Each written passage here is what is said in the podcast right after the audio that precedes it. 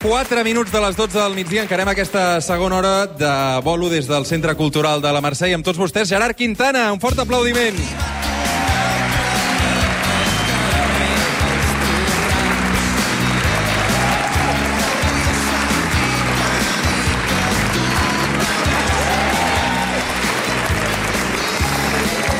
Què tal, Gerard, com estàs? Bé, no tan bé com tu, que sí. vas com una moto. Jo estic nerviós. Val, val. Estic nerviós, perquè tu això ja saps el que és. Però és que jo normalment estic sol davant d'un micro en un estudi que sí, aparentment en de sent molta gent, però, però clar, no... Però se sent tot molt bé, està tot, tothom, mira, somrient, ben dutxat, ben preparats, vull dir, a punt de fer-se un dinar de diumenge, amb un dia excel·lent que fa, vull dir que ho tenim bé. Jo recordo estar aquí presentant un disc fa anys, amb tots els amplificadors i tot, tot, tot, tot drap, i era a l'infern, saps? Perquè imagina com sona això amb, amb un volum de rock and roll. Molt millor venir a fer un programa de ràdio. Clar, eh, tu, um, Gerard, eh, després parlem, perquè ara t'he de presentar com a escriptor, però, però tu ets giron, gironí il·lustre, perquè tu vas néixer aquí, no?, i vas viure uns quants anys, gairebé fins als 20 i pico, no? Encara no m'han tret la, la condició de gironí, sí. De, il·lustre. Bueno, il·lustre. No m'he il·lustrat les sabates, ui. Ah, estem sentint Vaig- de fons... A veure, pu- puja un moment, puja un moment. Vaig viure força anys aquí, fins als 30 i molts, eh? Això és el, el carrer dels Torrats, eh? Sí, exactament. El carrer dels Torrats està per aquí prop? Aquí al costat. Bé, amb, amb, amb, perdó i amb el permís dels veïns, eh? Que no es, Perquè... deu, no es deu dir el carrer dels Torrats. No, no, es diu el carrer Nou del Teatre i coincidia que hi havia els bars on ens trobàvem, eh, els padulers, el potser, la salsitxa, el frics, tots aquests estaven en aquest carrer. Aleshores van fer aquesta cançó i recordo que quan van fer aquesta cançó un grup de veïns del carrer van escriure una carta al, al diari dient que de Torrats res, que era un carrer respectable i reivindicant, o sigui, bé, els hi va doldre una mica. Clar, uh, perquè tu d'alguna manera vas fer un retrat uh, fatal, de, de fatal no, però de dir, escolta'm, No, to, tots, mira. tots els personatges de la ciutat acabem allà. cada cançó, De nit, no? cada cançó té, té una història. Almenys, en el meu cas, cada cosa que he escrit parla d'algú que he viscut. I en aquest cas, aquesta cançó gairebé ningú sap de què va. De què va, doncs? I és... no sé si és per un... 30 anys després expliquem-ho, un Gerard. no sé si és per un diumenge al matí, a les 12 del migdia. Uh, si veus, la cançó s'adreça a algú. Has ha arribat una, una altra nit i tu te n'has anat, no? Una altra nit al carrer dels Torrats, etc etc. Aquesta cançó està feta després de l'impacte d'un company de- d'escola, de, que n'hi deien Piruli Bombay, mm. Uh, que volia ser pintor i, i no el deixaven ser pintor. La qüestió és que un bon dia va decidir saltar pel balcó i va estar, recordo el dia aquell, fins que va arribar el jutge a aixecar el cadàver, i d'aquí neix el carrer dels Torrats, que és un homenatge íntim i, i personal en aquest company de classe. Passa que no calia explicar-ho tot, no? Uh, guardar la nevera els sentiments o et faran mal, la vida amb els ulls tancats pots perdre en un forat. Totes aquestes frases tan indesxifrables i enigmàtiques. Anaven cap a ell. I cada cançó eh, està, està parlant d'alguna cosa que, que, que has de pair, que has de digerir emocionalment, i una forma de fer-ho també és donar-li forma de cançó i compartir-la i veure que tothom... Ha canviat molt Girona aquests últims 30-35 anys des que hi vivies tu o no? Tens la Molt. sensació que quan vens aquí és una ciutat desconeguda per tu? Bueno, és la ciutat que jo recordo, que no coincideix amb la que és. I penso, mira, en aquesta cantonada hi havia aquesta botiga. Aquí, aquí hi havia Can Geli, que ja no hi és, no? Hi vivia a sobre. Davant la botiga de discos, Can Coll, tampoc hi és. Segurament jo no, hagués, no em hagués dedicat a la música ni a escriure si no hagués viscut damunt d'una llibreria davant d'una botiga de discos, per exemple. Aquelles coses que fa la vida, no? I sí, ha canviat moltíssim. Tothom diu que per bé el, el, meu barri vell on vaig néixer era un barri vell eh, brut, eh, diguéssim que era la, la, eh, era més semblant al Raval, al centre aquest de Barcelona, o, o que no pas ara, no? De fet, hi havia el barri xino, també, allà ha passat el, el carrer... Bueno, tot el que és el Pou Rodó, que ara és la part més, més cara del barri vell, curiosament, no? Ha canviat molt, hi havia carrers, recordo que no vaig entrar-hi fins que ja tenia, ja era adolescent, perquè estaven tapiats perquè hi havia risc d'ensorrament. Després va venir tota aquella rehabilitació, tot aquell... va arribar a la universitat, gent jove, ja no era una ciutat només de capellans i de militars, no? de quarteraments i de convents. Per què vas marxar, tu? Perquè la vida era a Barcelona, aleshores, o perquè construir-se una carrera com a artista i com a músic havies de ser a Barcelona? Primer vaig marxar per anar a la universitat, perquè aquí encara no hi havia universitat. Uh, M'agradava escriure i vaig decidir estudiar periodisme. I l'ús de... Dos anys vas fer periodisme. Sí, per fer periodisme no cal estudiar periodisme. Va, aquí podem Penso entrar en una discussió llarga, eh, tu i jo, si vols. Ara l'esteu aplaudint a ell o a mi? A ell. Fatal. Tota la vida havia sigut un ofici que entraves d'aprenent, no? Mm. A una ràdio, a un diari, on fos, i aprenies, i aprenies cada dia, no? Després van fer la carrera, i recordo que estàvem entre... entre no teníem facultat encara, compartíem amb econòmiques i filosofia, i era un, força un desgavell, la veritat. I el segon any vaig dir, fa tres anys que estic fent cou. Saps? I, i vaig, vaig, vaig deixar-ho, i vaig tornar, després em vaig dedicar al teatre, que feia des dels 14 anys, com a, bon, com a bon tímid, necessitava pujar-me un escenari, i vaig decidir que aquell seria el meu camí. I, clar, tot això anava passant a fora aquí, vaig anar tornant, i finalment, quan vaig marxar, com sempre, en aquestes decisions grans, és el cor, no? La dona és sempre qui decideix on vius.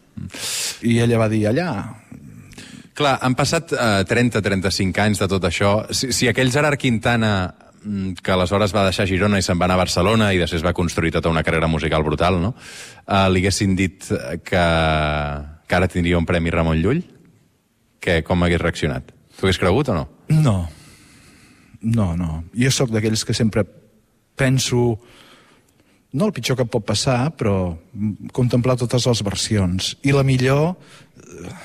eh, És, és com el, el Salvador Sunyer. No ha vingut avui el Sunyer, aquí? Uh, no, però hem parlat del temporada alta, també. Val. El Salvador Sunyer, el director de temporada alta, jo recordo sempre, clar, som gironins, ens coincidíem al barri vell, etc etc. Com està, Salvador? Fatal. Sempre, sempre em diu fatal o molt malament, per més bé que li vagi, saps què vull dir? I això és molt gironí, també. Uh, no sigui que despertis l'enveja de o no sigui que els déus se n'assabentin, o el déu, sigui quin sigui, mm. i digui, aquest què? Aquest va de xulo? Doncs ara el castigo, no? I aquest és una mica l'esperit. Aleshores, jo no he pensat mai en cap premi, ni en cap reconeixement d'aquest tipus, ni amb la Creu de Sant Jordi, ni res de tot això. Però, el, el, clar, o sigui, has passat una pila d'anys escrivint cançons, eh, com a grup, en solitari, eh, també amb l'ajuda d'altres membres de la banda. Suposo que no té res a veure amb escriure una, una novel·la i que no és una cosa que s'improvisa, que feia temps ja que tens dues novel·les publicades, les dues han tingut una sortida brutal, no? Um, aleshores, eh, aquest camí no, no crec que s'improvisi. No, això és el que jo volia ser. Tu volies ser escriptor? Jo volia ser, per això vaig fer periodisme i vaig dir, quina estafa, saps? Que jo vull escriure, que em deixin escriure, home. Uh, bueno, no, és veritat, ens deixaven escriure, teníem, un dia a la setmana ens portaven a una sala que hi havia uns teletips i agafaves el paper i havies de fer un titular. Et veig molt ressentit, eh, amb amb l'ofici. Molt, molt. No, no, amb l'ofici no, em sembla meravellós. Amb la- Em- em- Sí, sí, amb la carrera. La, la mecànica, sí, sí, a més, bueno, jo, la meva decisió era escriure. Jo, com t'he dit abans, era un tímid, aleshores llegint podies viatjar, podies ser... eh, Els escenaris també són plens de tímids, sinó, i sobretot el teatre i tot això. Mm. Uh, un, una persona que necessita o que té l'oportunitat de ser un altre per, per expressar-se i per deixar-se anar, no perd l'ocasió. Pues, vaig compartir curs amb gent com l'Ariadna Gil, el Jordi Mollà, l'Esté de Teatre. Uh, L'Esté de Teatre no eren tan tímides, però l'Ariadna l'Ariadna i el Jordi Mollà eren extremadament tímids. I després els veus bueno, aquesta lluita interna, no? Si no perquè et poses davant, eh, damunt d'un escenari a exposar-te a les crítiques o... Per tant, Està molt més bé a casa. Eh, has, suposo que deus haver plantat algun arbre, has escrit ja un parell de llibres i també has tingut fills, ja ho tens tot una mica fet. Eh, què, què ha estat el més difícil d'aquestes tres coses? Escriure el tercer llibre, que estic fent ara. Ha estat més fàcil que tenir fills? Home, tenir fills et passa sense voler, eh? Després els... Clar, depèn, eh? No, vull dir, el fet de, el fet de tenir-los, vull dir que no...